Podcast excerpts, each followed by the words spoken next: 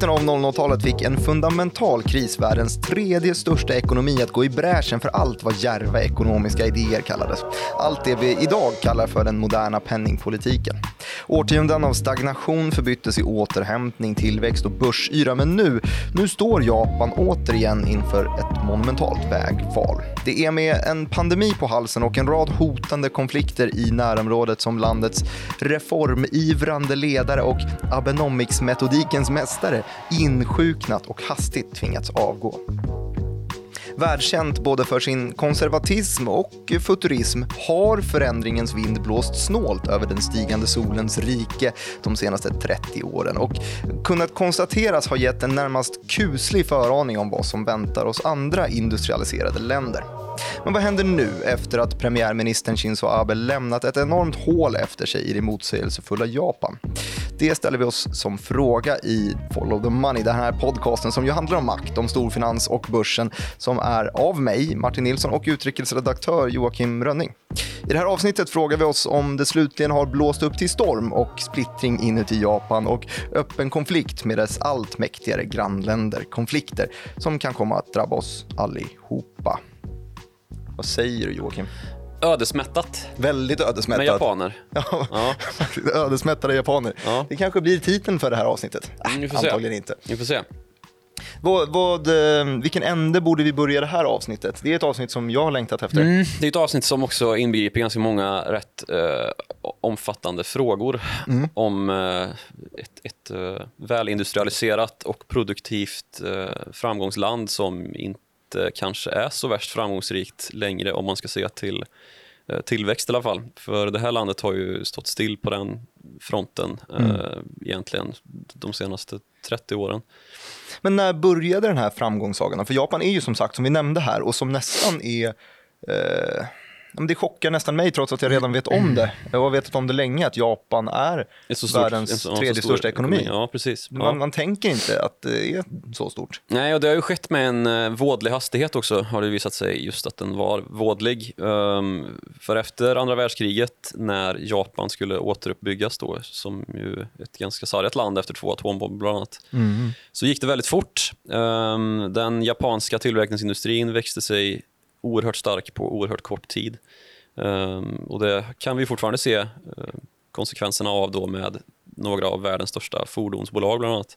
Eller ja, Toyota är väl till, till tillverkning sett i alla fall, nu har ju Tesla sprungit om värderingsmässigt, men till tillverkning sett världens största eh, bil och fordonstillverkare.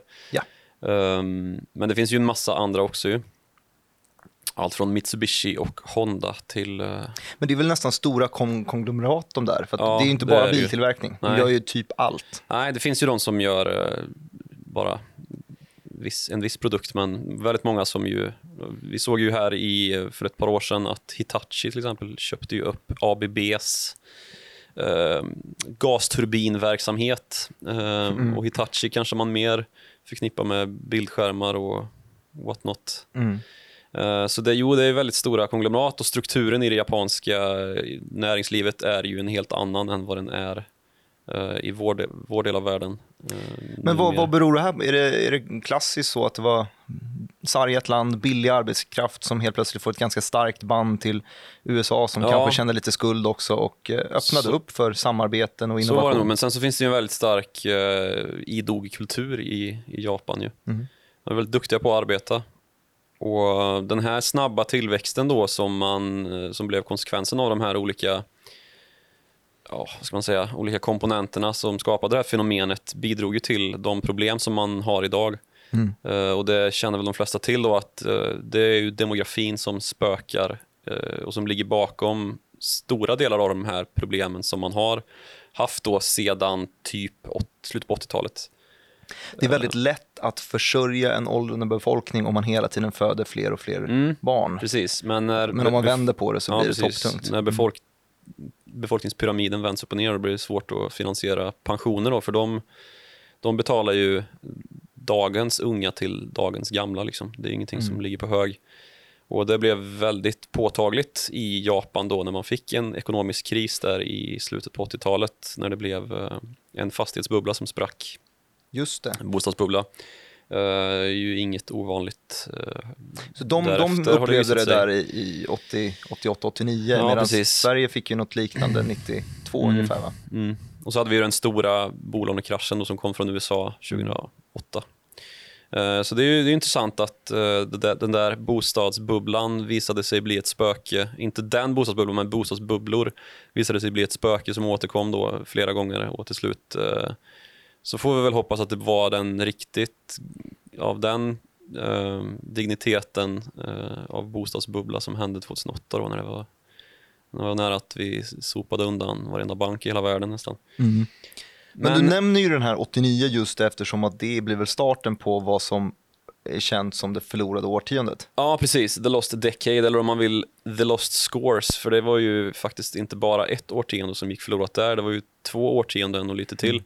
Uh, och allt då på grund av att, eller inte allt på grund av, men i grund och botten så var det ju japanska banker då som hade lånat ut för mycket pengar till för ja, kass kreditkvalitet. Liksom. Det, det fanns inte tillräckligt med uh, styrka att backa upp då de här långivarna som nej, låntagarna då, som fick de här pengarna att köpa bostäder för och fastigheter. Känner vi igen. Mm. Känner vi igen. Det är inget som uh, inte har upprepats, som sagt. Mm. Uh, men sen så då hade ju den här demografiska härdsmältan redan skett. Liksom. Det var, blev allt, allt färre um, barn per fertil kvinna och um, allt högre, ja, världens längsta snitt, äh, världens längsta lägsta fertilitetstal? Nej, men högst, alltså högsta livslängds... Ja, du tänker så. Ja, men det är de verkligen kända för ju. De ligger ju eh,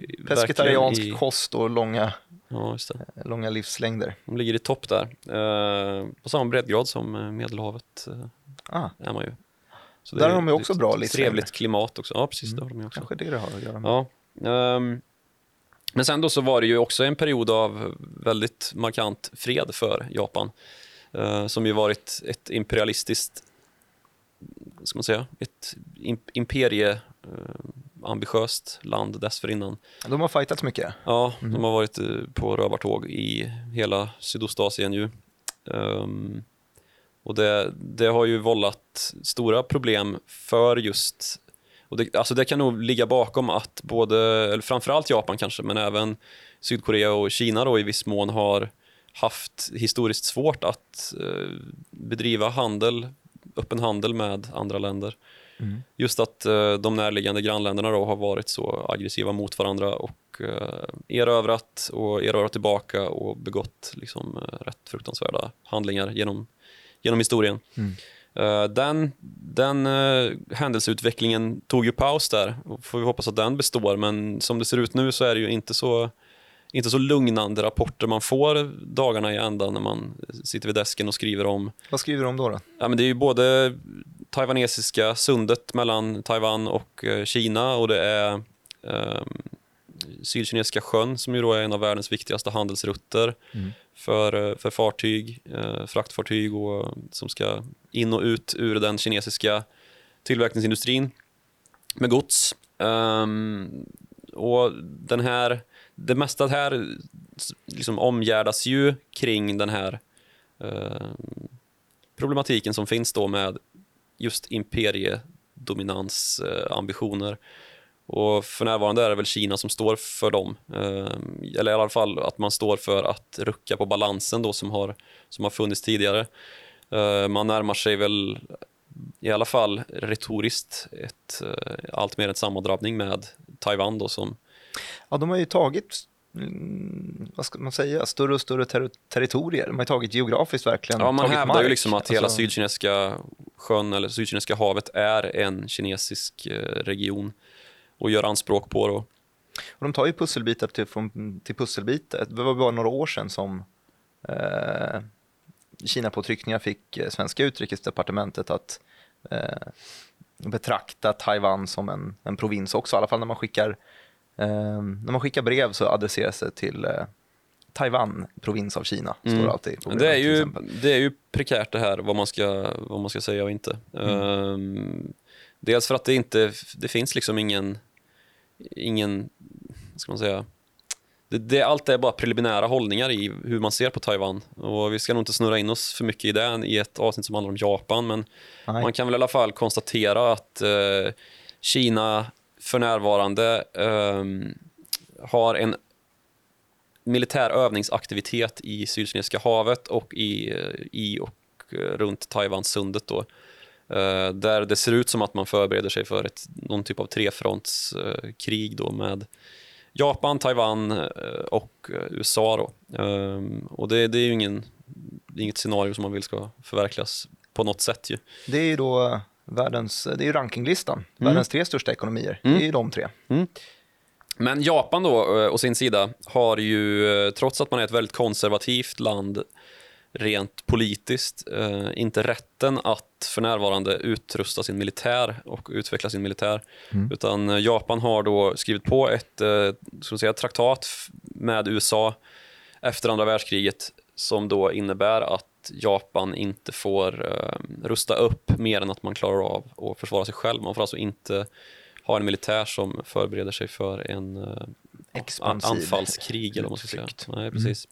Mm. Och, och, det är ju någonting som, uh, ska man säga, en, lite av en klåda för många konservativa politiker. Mm. Och Det är ju de som har lett Japan sen andra världskriget egentligen. Det har ju varit en konservativ dominans och även om det liberaldemokratiska partiet då som, eh, som styr, där eh, Shinzo Abe är premiärminister, för det är han fortfarande, han har ju lovat att, att sitta kvar tills man har en ersättare som ser ut att väljas i september här. Mm. Så, så är det ju ett konservativt parti då, trots namnet. Mm. Um, I alla fall i, i vad ska man säga, ur vår kontext så är det väldigt konservativt. Mm. Stängda gränser, uh, sett till att man inte tar in immigrantarbetare. Det finns inte så mycket. det är eh, kanske ett land som eh, verkligen skulle kunna tjäna på det. Ja, absolut. Sett till och det, det, det, säger väl allt egentligen om just den konservativism då som, eller konservatism som råder i Japan, att man inte har luckrat upp det här och tagit in eh, på liberalt sätt då, som vi har sett i, i Västeuropa, att man har försökt eh, bistå då krisande regioner och människor som kommer därifrån med migration. Då. Mm. Eh, det har man inte gjort i Japan. Det finns en väldigt låg eh, invandring dit. Mm. Men om vi drar tillbaka mer historiskt, nu har vi fått eh, ramlat in på politik till och med. Mm. Eh, det är gött också. Eh, du snackade 89, eh, fastighetskris och mm. följt av förlorade årtionden. Det är ungefär här som jag brukar ta vid i andra avsnitt när vi har pratat mm. om eh, penningpolitiska stimulanser har vi pratat ja. om eh, från eh, både ECB och Fed som mm. svar på typ när pandemin slog, slog till. det ska vi väl göra någonting. nu också, inte, på, inte bara. Nej, nej gud Men nej. Eh, det som kommer kallas då för Abenomics, det är ju då Shinzo Abe som då var en, eh, en premiärministerkandidat för LDP mm. som senare skulle komma att väljas då på det här reformprogrammet som han eh, la fram då 2012. Mm. Um, och Det inbegriper då tre olika ben, eller tre pilar som man, som man populärt kallade det då. Uh, och Den första pilen bestod då av uh, penningpolitiska lättnader, fortsatta penningpolitiska lättnader. Mm. Det andra benet bestod av uh, finanspolitiska um, ja, finanspolitiska lättnader. Ja, stimulanser. Mm. ja, stimulanser, investeringar från staten och skattelättnader. Uh, där man då vägde upp den... Uh, det blir, för då blir, då blir ju statsskulden kanske påverkad, att man har en obalanserad budget. Så man försökte väga upp det här med att höja momsen från ganska, var väldigt lågt i, jämfört med oss, 3-4% till idag sitter man på 10 mm. um, och sen så det tre, den tredje pilen då som bestod av att man skulle genomföra strukturella reformer, som jag sa, då, just för att Uh, möjliggöra för en högre grad invandring och kanske även ta in lite kvinnor i arbete. Kanske mm. inte vore så dumt. Men de är ju föregångsland i det här i att de har haft en, en, uh, ja, men en, en tuff tid och de har varit tidiga med sättet de uh, stimulerade på. För det här var ju 2012 som du nämner som Abenomics verkligen tar, tar mm. fart och det är ju efter ett par ja, mörka år Eh, efter finanskrisen då. Då har de då haft en, en kris 89 följt av, eh, då var det då bara ett, ett årtionde, som ett förlorat mm. årtionde som man inte såg någon tillväxt på. Och det här slutet av det årtiondet, det var då de började med de första typerna av av tillgångsköp, av Mm. penningpolitiska stimulanser som inte var direkt bara sänka räntan, utan man, man sökte ju någonting annat för att det räckte inte att sänka räntan. Och då började man med lite skuldavskrivningar, men sen så var det vill jag minnas att eh, det var två stycken amerikanska ekonomer som satt och, och gav lite input. Inte vilka på, som helst. Nej, Paul Krugman och Ben Bernanke, eller hur? Precis. Vad har vi på Paul Krugman och Ben Bernanke? Uh, jag, jag har lite koll. Jag kan börja med den första då. Gör det. Ja. uh, vem vill du ha? Paul Krugman är den jag har bäst koll på eh, och det är ja, för att han fick då Nobelpriset i, i ekonomi för, för handelsteori Aha, 2000 sju, åtta kanske eller något sånt där. Eh, och det var då han som, eh, vad ska man säga, han utvecklade de gamla klassiska handelsteorierna som man får lära sig, typ nationalekonomi, grundkurserna mm. mm. eh, om komparativa fördelar och Heckscher och Lean-modellen och så vidare. Så gjorde han en förfining av den och plockade mm. pris. Ben Bernanke, Fed-chef.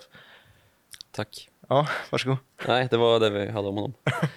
Att, eh, Nej, han var ju då säga, Fed-chef under finanskrisen i USA. Eh, den, som, den nämnda subprime-krisen, alltså bolånekrisen som inträffade då 2008.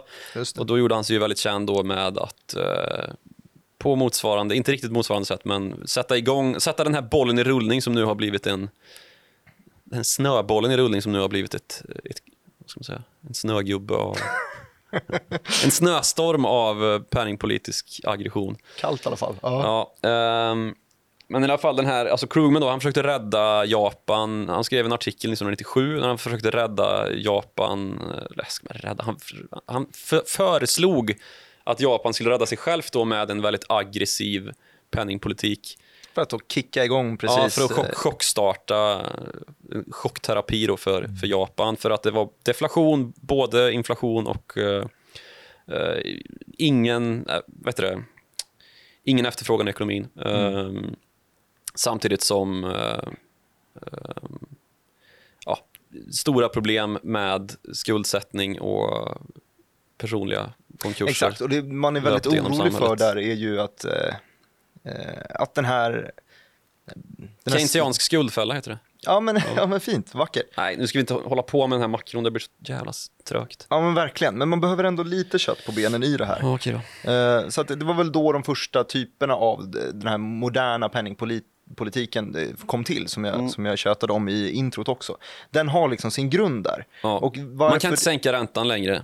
Eh, så, att vi, så att vi trycker upp nya stålar och så Precis. köper vi statspapper var väl det första man gjorde. Ja. Ehm, och det är anledningen till att det här är intressant, det är för att det här skedde då, ja men i princip tio år före alla andra gjorde det. Mm. Så att Japan var först med det här och det är där vi har touchat på det här tidigare. Mm. Att de är liksom först i den här väldigt eh, kontroversiella penningpolitiken. Ja. Eh, som verkligen, som även Även än idag eh, centralbanker går ut med att stå för att det här är en kontroversiell Mm. penningpolitik. Det, liksom, det står på eh, vad är det, Bank of Englands hemsida, så är det verkligen this controversial Ja. mo- monetary stimulus. Um, Undantagstillstånd liksom i hela världen snart. Verkligen, det känns som ett litet så här, eh, ja men vi måste bara göra det nu för att få igång det här. Mm. Eh, Den typen av grejer var Japan föregångare med. Ehm, Ja, på eh, Ben Bernankes och Paul Krugmans initiativ. Det är lustigt ändå att amerikaner åker till eh, Japan och eh, navigerar ja, in jo, men lite. sen så tog ju Ben Bernanke det hem till Jo. USA sen 2006 och, och det stora, det drog stora igång liksom, det eh, försöksobjektet var världens eh, då näst största ekonomi. N- när jag kollade lite på det här inför så eh, snubblade jag över en artikel också av Paul Krugman som heter Apologizing to Japan. Vi kan komma tillbaka till den. eh, Ja, faktiskt. bra. Den är släppt lite, lite mer modernt. Det har inte jag läst. Eh, eh, Men då, då drog de igång de här penningpolitiska stimulanserna i alla fall i början av, av millennieskiftet i princip. Mm. Eh, och det drog väl igång någon form av återhämtning. Eh, som sen då kraschade in i vad du nämnde här, subprime-krisen. Eh, Mm. Ja, precis. och då var det väl så att man inte riktigt hade hunnit ta höjd. Alltså man hade stimulerat igång ekonomin, men man hade inte slutat med tillgångsköpen, så man hade inte så mycket att faktiskt ta i med när sen subprime-krisen kom. Lite samma fälla som vi hamnade i nu i Sverige med, med coronakrisen. Debatten på, på centralbanksnivå, på riksbanksnivå, var ju väldigt mycket att vad har vi för ammunition kvar? Vi kan ju inte sitta och ha nollränta, minusränta i en högkonjunktur. Och sen kommer krisen och vad kan vi göra då? Ja, typ inget. Tillgångsköp, Ja, spring till uh, sedelpressen bara. verkligen. Ehm, eh, och det här ledde ju då in till sen eh, Abenomics. Det var väl som en brygga för Shinzo Abe när han kom till makten sen. Ja, precis. Eh, Han var ju inte helt okänd då. Han hade ju suttit redan en period mellan 06 och 07.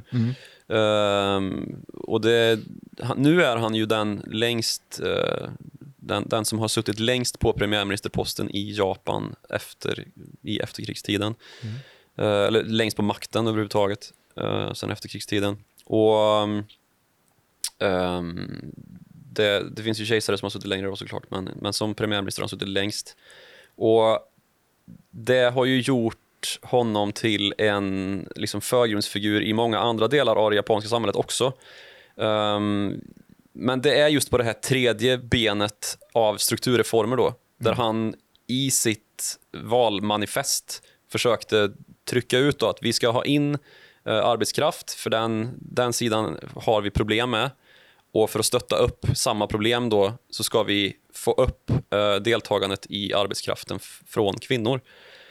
Eh, och det är ju här då det japanska konservativa samhället eh, inte har lyckats möta det mer futuristiska samhället. För det futuristiska då, har då lite grann fått ta över eh, där den här politiska ambitionen om att göra sociala rockader, eller man ska säga, i, i samhället har fallerat. Och man har eh, blivit liksom det här föregångslandet inom tech. Mm. Och försökt automatisera och komma runt Den bilden, arbetskraftsproblematiken den vägen.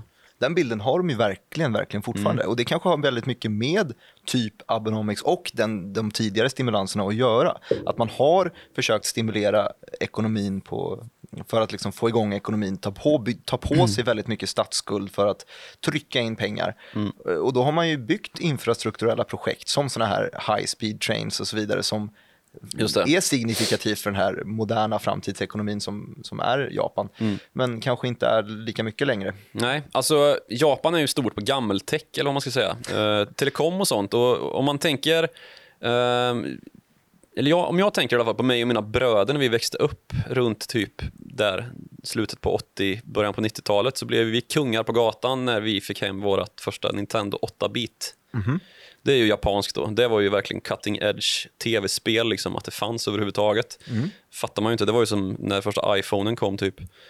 Eh, sen så hände någonting och de här, alltså hela den gamingsektorn är ju fortfarande på mjukvarusidan, alltså spelutvecklingen, viss mån japansk, men vad det gäller just teknik i övrigt, alltså visst det finns Sony och det finns de här gamla bildskärmstillverkarna och eh, lite allmänt te- teknisk industri och lite chiputveckling och så här, men de är ganska långt bak i ledet nu vad det gäller världens största techbolag och just utveckling och den här typen av investerande som krävs då för att göra uppfinningar och ta landvinningar i, i techsektorn. Där har man halkat efter eh, duktigt alltså. Och det kan ju kanske exempli- exemplifieras mycket väl då, just det här sambandet eh, mellan att ha varit technationen nummer ett till att bli technationen nummer ja, Vad vill du sätta för nummer här? topp 10 kanske man är, men det är ganska långt ner i alla fall.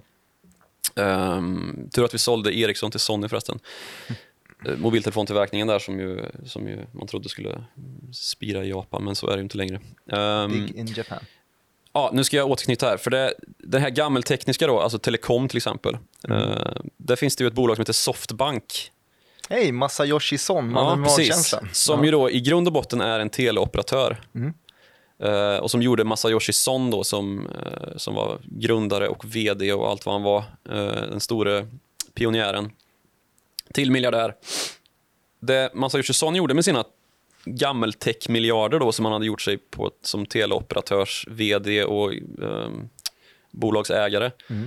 Eh, de tog han till eh, Kina Okej, så stoppade in dem i ett eh, e-handelsföretag som hette Alibaba. som är superstort och känt nu. Men Ja. då såg ju helt enkelt han redan Ja, han såg då ju någonting, eller hans magkänsla kände ju någonting. Att- Att... Beryktade. Jag ska inte satsa på inhemsk innovation för här ligger vi lite efter. Det kommer Nej, vara precis. bättre att satsa det på Kina och Precis. Eh, lite annat. Och sen så har Ja. han kanske snubblat på senare dagar. Men, Ja, men eh, kan man säga. Men i alla fall, det jag försökte, försökte framhäva här med den här långa utläggningen om Shinzo Abe och hans långa regeringstid då, att han ehm, han har haft väldigt stora eh, ambitioner då med Japan, men de har lite grann gått i baklås. Och trots då att han har haft väldigt uppenbart stort förtroende hos den japanska befolkningen så är det olika problem då i den japanska konstitutionella demokratin som gör att det är svårt att dra igenom sådana här beslut mot de konservativa politikernas vilja då och då försöker man komma runt det med sådana grejer som automatisering och dylikt. Mm. Men samhället har gått redan så pass mycket i stå att det är svårt att få till de här investeringarna som krävs då för att driva fram innovation och, och hålla kvar platsen som, som liksom eh, tech-futuristcentrum. Mm. Så nu är man någon sorts mellanting då eh, med ett väldigt välutvecklat samhälle, en eh, en välutbildad befolkning, en låg brottslighet och, och väldigt idoga arbetare i landet då, men ingen tillväxt överhuvudtaget och en Nej, det är faktiskt en rolig, en rolig svag, liten... svag eller ingen inflation. Ja, men exakt. En, en, den, den, roliga anekdoten jag tänkte på här var att eh, man kan se att vissa kvartal, det är inte alla kvartal, men vissa kvartal så har man sett att BNP har ingen tillväxt, men BNP per capita har tillväxt. Ja, kan det bero på? Ja, det, det, speglar ju den här upp och nervända demografiska strukturen. Ja, det har att göra med att Japans befolkning minskar. Ja. Eh, så krasst är det ju. Och då kan BNP per capita växa medan ja. BNP inte gör så. Det är sjukt. Det är tufft. Ja. Ehm, det är något man inte tänker på när man sitter där i sin skolbänk. Men det borde man ha faktiskt, lite jämförande. För man jämför ju jättegärna BNP per capita just. Mm. Då måste man faktiskt ha ha lite koll på ja, precis. hur det ser ut. Um, men i alla fall, om vi ska återgå till den här uh, Abenomics-händelserna som, som skedde då när mm. han kom till makten, Shinzo Abe, 2012, där i december så såg vi ju en dramatisk effekt då på de här interventionerna som gjordes i det här reformprogrammet som, som då eh, sjösattes mm. med de här tre olika benen på, på skatterefor äh, skattereformer, penningpolitiska reformer och äh, ja, strukturella åtgärder som skulle komma på plats. Mm. Och första månaderna bara så om man tittar på en graf över Nikkei 225 då som är generella indexet i, i Tokyo, på Tokyobörsen så stiger det med 30-35% under de, det första kvartalet. Mm. Eh, samtidigt så kraschar ju japanska yenen, alltså valutan, och är ner med en fjärdedel mot, eh, mot dollarn. Vilket då leder till att man eh, får en mycket mer eftertraktad export då, för det blir billigare för utländska länder att växla, växla igen. Mm. Så, så det är ju det som ligger bakom det här ekonomiska undret som, eh, som Abenomics fick, eh, fick sig tillskrivet eh, av eftervärlden. Mm. Men som nu då kanske har fått sig en liten kalldusch när man inte har fått de här långsiktiga effekterna. något som då har hänvisats till att man aldrig fick på plats det här tredje benet av strukturella reformer då med kvinnor i arbetskraften i högre utsträckning och ja, invandringsreformer.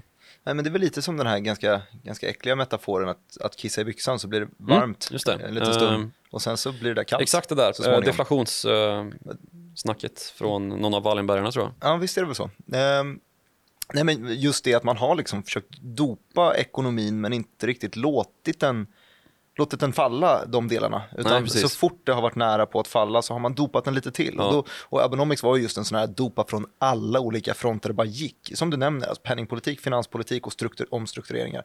Bara attackera från alla håll och göra det mer och större och så vidare. Och, och vi såg precis samma svar från ehm, eh, från Bank of Japan nu under coronakrisen mm. också. Alltså när, om det är 18 mars eller någonting, några dagar från, från börsbotten så lanserar ju de helt enkelt ett fördubblat mandat på antalet stödköp. Då har de alltså stödköp sen tidigare. Alltså det är inte längre bara de här kontroversiella statspapperna man trycker upp pengar och köper, utan det har gått så långt att de är i princip slut. Det är inte värt att köpa dem längre. Man ser mer effekt om man istället trycker upp nya pengar och köper rena aktier. Det gör man genom ETF då, alltså. men man, man köper aktier på en så groteskt stor skala regelbundet på eh, Bank of Japan, alltså på, eh, på Topix eller på Nikkei 225 eh, att man, eh, man spår att man kommer bli den största inhemska ägaren av aktier redan mot slutet av det här året. Mm. Alltså man, man, man går om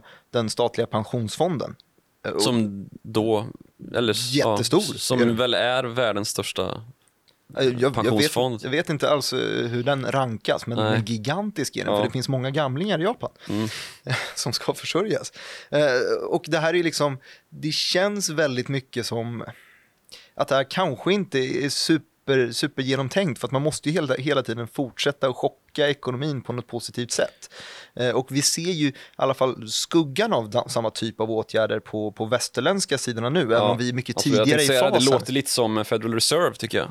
Ja, men de är ju inne på, på corporate bonds-marknaden framför allt och härjar. Mm. Och det är väl kanske något form av förstadie. Samma sak på, på. Riksbanken är också där Ja. eh, och, och köper. Trycker upp pengar. Från början var det bara de mest långsiktiga och mest eh, säkra tillgångarna som statspapper. Och sen så har man letat sig ner mot mer riskfyllda alternativ. Och sen så hamnar man där, där Japan är idag.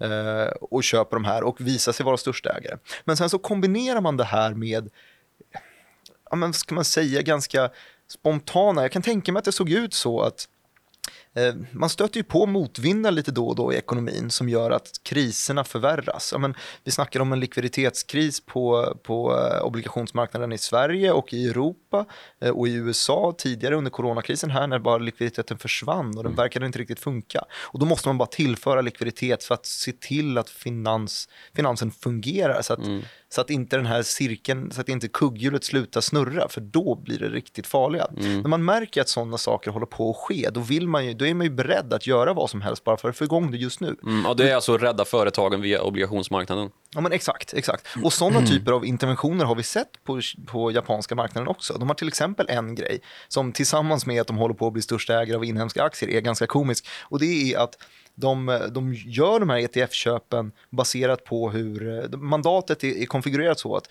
eh, ser man att eh, Nikkei-indexet eh, tappar eh, mer än 0,5% på morgonen, då kan de köpa eh, mot eftermiddagen. Alltså det, det, det är uttalat så verkligen. Så att, och då kan de alltså köpa på den marknaden där de själva också samtidigt är största ägare. Man ser att det här det går inte ihop riktigt. Och det känns ju som att den här åtgärden, de här snabba liksom, interventionerna, det känns som ett hopkok när, när Shinzo Abe plötsligt ringer upp Kuroda som är Bank of Japan-chef och bara, vad är det som händer? Vi måste göra någonting. Du får 24 timmar på dig att sätta i ordning en plan. Se till att ha någonting i alla fall. För att annars kommer vi krascha. Ja, och så har de rått ihop något. Ja, precis. Och då ska man komma ihåg att penningpolitiken eh, ska då anses vara politiskt obunden. Eh, och det här Ja, jag vet ju inte om man har ringt Nej, upp så men här. det är nog inte så långt. Det, är nog, det hade varit föga förvånande i alla fall. Men, och det här är ju ingenting som har varit okontroversiellt eller föregå, liksom pågått utan debatt. Mm. Bara när, eh, när Kuroda då som eh, Bank of Japans... Kuroda. Precis, när Bank of Japans nuvarande ordförande tillsattes så var det ju oerhörda debatter kring, kring om han var rätt gubbe för det här. Just för att han hade ju kommit in i det uppdraget med en politisk, eller mot bakgrund av den politiska agenda som, som Shinzo Abe förde då fram i sitt reformpaket där det ju ingick extremt aggressiv Penningpolitik. eh, penningpolitik. Jaha. Eh, Så det där går väl att fråga sig om det verkligen stämmer då i eh, Japan-fallet, kanske ännu mer än i USA då, som, där det har klagats högt och lågt om att eh, Donald Trump har varit alldeles för aktiv i sitt, eh, sin kritik av eh, Jerome Powell då, som Men han krävde ju Janet Yellen föregångarens eh, avgång också. Liksom, Ja, och det är väl henne väldigt hårt. jätteovanligt att man tillsätter en ny då när man, när man kommer till som president. Men, eh, men just den här uh, det kritiken av en sittande uh, Fed-chefs beslut och att skylla ekonomins brister då på en Fed-chef, det är ju någonting som aldrig har hänt förut. Kan du tänka dig Stefan Löfven vråla åt Stefan Ingves? Eh, När fan stimulerar du här? jag tror aldrig någon av dem har vrålat hela sina liv. Nej, kanske är så. Eh, Men ja, en intressant tanke. Eh, ja, vart hamnar vi nu då? Nu har vi svävat iväg alldeles här med... Det gör vi alltid. Men det vi kan i alla fall landa i är att det är liksom 30 år av krishantering som, som Mm. har pågått i, Japan. Ehm, ja, med den här eh, ganska, ganska dåliga tillväxten som följd och en kraftigt liksom, dopad ekonomi. Och det vi vill dra paralleller till här är ju helt enkelt att det ser ut som att väst är, är på gång mot samma håll. Ja, Ehm, och väldigt mycket att man har haft de här, man har stimulerat väldigt kraftigt och sen så oj så stöter man på lite motvindar och så stimulerar man lite extra så gör man lite snabba, snabba lagningar, försöker plåstra om de här hålen som börjar läcka. Eh, och då, då, märker man att det, det slutligen eh, börjar gå lite dåligt. Och frågan är då helt enkelt, var landar allt det här? Mm. Ja, det landar ju i eh, en ny, en ny regeringschef vad det lider. Ja, men jag, tycker, jag tror inte säkert. att ens det räcker, utan det landar ju i, varje gång man gör en, liksom en, en penningpolitisk intervention som då inte ska vara särskilt politiskt förankrad, så gör man ju det på bekostnad av trovärdigheten av en centralbank. Mm. Alltså till slut så eh, blir ju inte till exempel japanska yenen samma safe haven-valuta som den har varit. Det, Nej, det, det var ju det vi såg, att den, den tappade i värde hela tiden. Tidigare mm. så har det ju det verkligen varit en, ja men det har varit schweizerfrancen fast, mm. Eh, fast i Asien. Och det var ju också en tydlig reaktion på, på det här beskedet då när uh, Abe sa upp sig här i förra veckan. Mm. Att yenen tacklade av lite grann. Men i alla fall, eh, jag menade lite mer politiskt då vart vi landar så är det ju i en ny premiärminister och nu har ju ett eh, gäng herrar såklart eftersom att det bara är herrar som bestämmer i Japan. Det är typ 10% av parlamentet är kvinnor blott. Mm. Um, och de här herrarna kan ju verkligen exemplifiera då uh, hur konservativ man kan vara som liberal i Japan. Mm. För det är oerhörd dominans av just konservativism och om man ska tippa på någon eh, så ser det just nu ut att, eh, att bli eh, en herre som heter Yoshihide Suga som är i vinnarhålet. Han är då någon typ av sekundärminister om man ska kalla det för det. Mm. alltså premiärministerns närmaste medarbetare, högra hand. Jag har noll koll på honom. vad har vi på honom? Vad, vad skulle hans motsvarighet till Abenomics innebära? Uh, alltså det är ju frågan nu, men det är någonting som, som man i alla fall kan utläsa då av eh, hans tidigare gärningar är att han är en, han har liksom, hans stjärna har stigit ganska, ganska markant under den senaste mandatperioden som, eh, som Abe valdes till då. Han har varit över i uh, USA på ganska så högprofilerade tjänster och han har just fått den här rollen då som som, eh, ja, men, som någon sorts kombinerad stabschef och eh, minister. Då, som, vi har inte riktigt den rollen i västerländska regeringar. Mm. Men han är, han är väl den näst viktigaste i, i uh, regeringen i princip.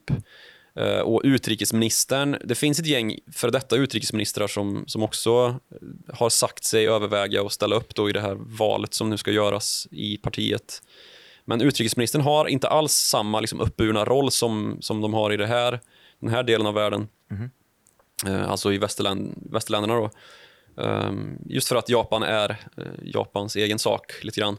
Och att just den här sekundärministern då har en, en mer framträdande roll eh, att spela. Um, och Det lutar väl åt att Japan kommer fortsätta på den inslagna vägen. Som du sa, det är svårt att liksom bända loss det, det grepp som penningpolitiken nu har tvingats koppla om mm. uh, de här ja, potentiella bubblorna som, som blåses upp då i, i, i ekonomin. Um, Men du, för, för samtidigt en... som, som, jag måste bara, Absolut. samtidigt som vi, det nog går mot att Japan kommer försöka slå sig loss från det här avtalet som man skrev då med, med USA och därefter har förlängt en massa gånger. Mm. Om då att eh, det är USAs sak att försvara Japan i händelse av eh, eh liksom otidigheter i, i den närliggande, den närliggande ja. geografin mm. i kombination då med någon typ av självförsvarsstyrka från Japan. Mm. Uh, att, man, att man kommer frångå det och faktiskt uh, du menar att... kan närma sig en, en militär BNP eh, eller militär andel av BNP som är högre än de här 1 procenten som man har legat på nu i ja, någon, sen, sen andra världskriget. Vi kommer tillbaka till samma slutsats vi hade i förra avsnittet, att militarismen är innovationens moder på något sätt. Ja. Um, Vållar till förändring i alla fall. Jag har inte tänkt på det, men det kanske, kanske finns en... Kanske en koppling obehaglig koppling att göra där, att Japan har någonting att Det jag tänkte avbryta dig med, um, det var den här Krugman-artikeln, Apologizing to Japan. Mm. Um, för den är inte så farlig som den faktiskt låter. Den, den anspelar på någonting ganska positivt i att um, han, han avslutar nämligen den här artikeln med att Eh, länge så användes Japan som någonting som att så här ska man inte göra med penningpolitiken. De har verkligen tappat det. Men på senare år verkar det snarare varit så att eh, Japan kanske är något form av föregångsland i alla fall för att väst verkar ha gjort det väldigt mycket sämre. Mm. Och så ägnar han en hel, en hel sida åt att förklara sämst i klassen. Vet du vilka det är? Nej, det vet du inte. Det är Riksbanken. Eh, han sågar Riksbanken vid fotknölarna eh, för beslutet att höja räntan alldeles för tidigt under 2011, alltså efter finanskrisen. Vi var uppe på 2% i reporänta och han sa att det där dödade alla deras möjligheter till inflation. Eh, nu är ju inte Paul Krugman Jesus i, i det här. och har verkligen inte faktumet, och den här artikeln den är ju från typ 2014-15 så han, mm han vet ju inget. Han vet ju inget. Han vet ju ingenting. Eh, men enligt honom själv så är ju, eh, alltså det är väl lite omtvistat också det här hur mycket Paul Krugman hade och liksom hur mycket det var hans uh, gärning som låg bakom att, uh, att Japan gick den vägen de gick. Det är ju trots allt egna beslut som ligger bakom, även om man har inspirerats då, eller om det finns en, en rad olika tänkare som, ja, som gör anspråk på hela idén med kvantitativa lättnader och moderna liksom, penningpolitiska. Åtgärder som, som vi har sett sedan ja, 2000, efter, efter finanskrisen egentligen i vår ja, Det var då det blev den moderna tappningen. Ja. Och sen tidigare ska vi ju säga att det har ju skett sedan eh, ja, 30-talet i USA så var det någon, någon motsvarighet eh, ja, till det också. Visst. Så det, har, det finns föregångare. Ja. Men eh, då får vi väl eh, ja, bevaka om det blir så att uh, Yoshihide Suga lyckas uh, vrida greppet Um, mot Suganomics. Mot Suganomics, ja det precis. Låter sött, i alla fall. Och hans... Uh, ja, han, är ju, han är ju Abes närmaste man, så, så det lutar väl kanske åt att det blir uh, oförändrat. Uh, han har tidigare varit väldigt positiv till den här hyperaggressiva penningpolitiken och uttalat sig väldigt offentligt om det, liksom, så att det är svårt att se mm. någon större förändring där. Um, nog om, nog om honom kanske. Ja, kanske nog om honom. Du, vi brukar ju försöka fi, flika in någon form av börskoppling i våra, våra avsnitt. Mm. Eh, Japan är egentligen ganska, ganska stängt. Du nämnde Ericsson som i Sony Ericsson. Eh, får vi in något mer i det här avsnittet? Alltså det finns ju, det finns ju gott om eh, grogrund för olika typer av utvecklingsprojekt i Japan. Mm. Just på grund av den här uh, befolkningspyramiden då som man har, demografiska problematiken. Det är väldigt mycket medtech och, och farmabolag som riktar sig mot japanska marknaden. Ja, som ja precis. Finns, uh, uh, och det nu... finns en, en försäkringsmarknad som också riktar sig väldigt mycket mot Japan. Där har vi inte så mycket svenska, eller inga svenska börsbolag. Men det har blivit ett, ett liksom, vad ska man säga, en testzon för vad som väntar, just som vi har sagt då, att, att det, det är någon typ av föraning av vad som väntar oss om eh, ytterligare några år av utveckling i samma riktning som Japan då, som ju uppenbarligen har varit det här föregångslandet nu när man tittar tillbaka då. Eh, mm. Så det, det, är ju en hel del av den automationsutveckling som sker görs ju med Japan som någon sorts eh, ja, testsite. Mm. Så det är klart att det finns en massa svenska bolag eh, som gör eh, sån, har sån verksamhet där. Absolut, det gör det. Eh, men, men med det så ska vi i alla fall eh, runda av, eller vad känner du? Mm, jag är, du är klar? Jag är klar. Jag har också fått ut med en massa ord idag som jag, jag helt nöjd med att vara färdigpratad. Eh, och då får vi väl helt enkelt tacka till de som har lyssnat på orden vi har sagt. Eh, och det är ju ni som har tittat och lyssnat då. då. Titta det gör man ju via YouTube, då går man in på Direktstudios som är vår kanal. Lyssna, det gör man på alla podcastappar. Eh, jag förespråkar ju fortfarande ja, Spotify och iTunes typ, men det finns ju verkligen överallt. Du är en Acast-kille, etablerade vi förra gången. Mm. Man kan också skicka in önskemål om man inte vill höra Japan utan man vill höra det här är ju ett sånt avsnitt faktiskt. Ja, grann. faktiskt. Vi fick önskemål om, om mm. Japan. Mm. What's going on med Japan? Ja, då kanske man vill ni. höra om, eh, om Taiwan och Hongkong nästa gång, som vi höll på att snudda in på förut. Spännande. Kan men så jobbiga de här kinesiska ambassadtjänstemännen. Ja, väldigt svårt. det är de också. Och, och jobbigt att leta fram källor där. Men eh, det, om det är någon som kan det så är det ju du.